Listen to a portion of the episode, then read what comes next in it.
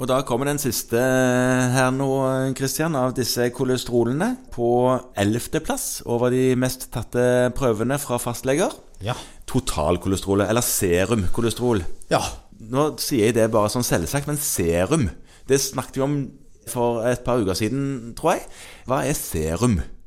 Altså, det er tre ting Man kan måle ting i i alt mulig, men i, når det gjelder blod, så er, Ja. er det på en måte tre måter man måler på. Man måler i fullblod. Ja. Altså da er på en måte hele blodet er der, Ja. og man måler et eller annet. Det er altså, sånn type sånn rusanalyser som politiet tar, de måles ofte i fullblod. Mhm. ja.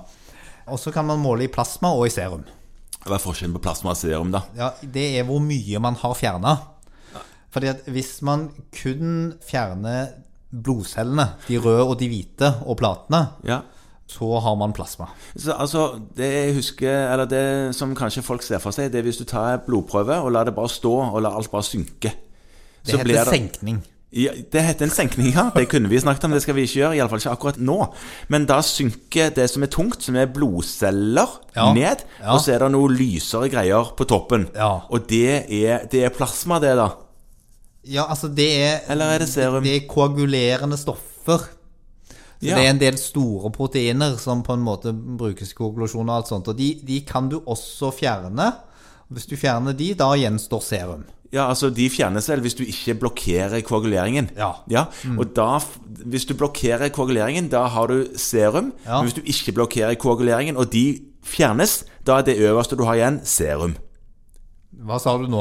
At hvis du fjerner det som kan koagulere, de store proteinene og sånt, Da har du, da har du serum igjen. Ja, nettopp. Mm. og hvis du ikke gjør det, hvis du gir en eller annen antikoagulant, så har du plasma. Nettopp. Mm. Verdiene er i praksis svært like.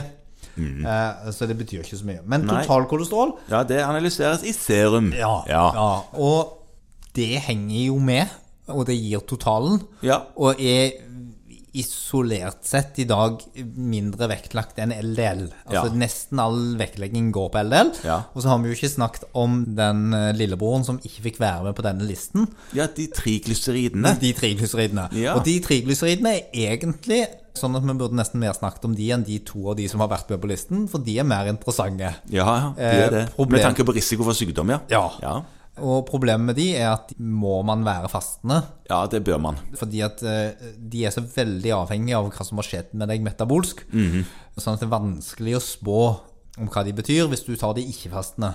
Og Det er nok grunnen til at de har falt litt ut av denne listen, er at folk har strøket de, fordi at folk eh, når man har bestilt prøven, så var ikke pasienten fastende der da. Og det, det gjør ikke så mye. Eh, Triglycerider blir høye f.eks. ved veldig ustabilt blodsukker Ja. så kan det være nyttig å tenke på. Men totalkolesterol, siden det var nå egentlig var det vi skulle legge vekt på akkurat nå, Ja. eh, og snakke om, som er på da den prøven som har klart å krangle seg inn på 11. plass på listen, ja. den viser det totale antallet feststoffer, og den skal være lav. Eh, Og den har da det med seg det samme interessante som LDL og HDL, at eh, referanseområdet eh, ikke samsvarer med det vi tenker er bekymringsfullt. For eksempel så er det sånn at for pasienter over eh, fem, altså 50 år og eldre, Ja. så er normal referanseområde Ja. fra 3,9 til 7,8 millimol per liter. Mhm. Mens hvis du hadde møtt en 52-åring med hjerte-karsykdom i familien, ja. ville du tenkt han skulle ha 7,5 i total Jeg kolesterol? hadde da? nok gått litt eh, angrepet det litt. Du hadde angrepet det litt, ja. Mm. Ja.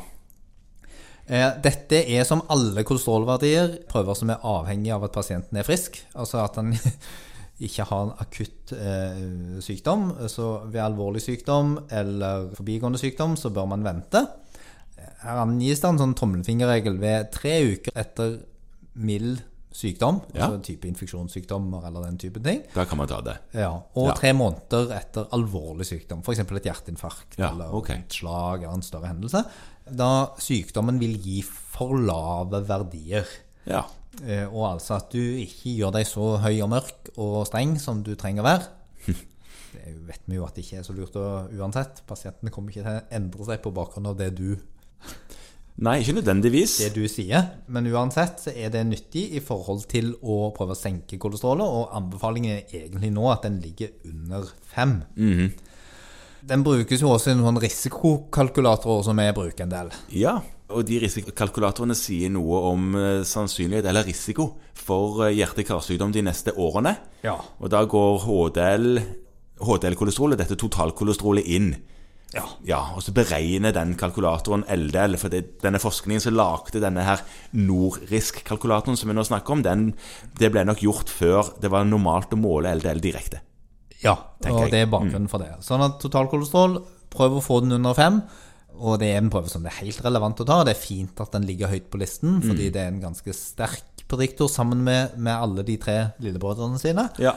for risiko for å utvikle hjerte-karsykdom. Og kanskje en skulle tenke på å ta disse triglyceridene litt grann oftere.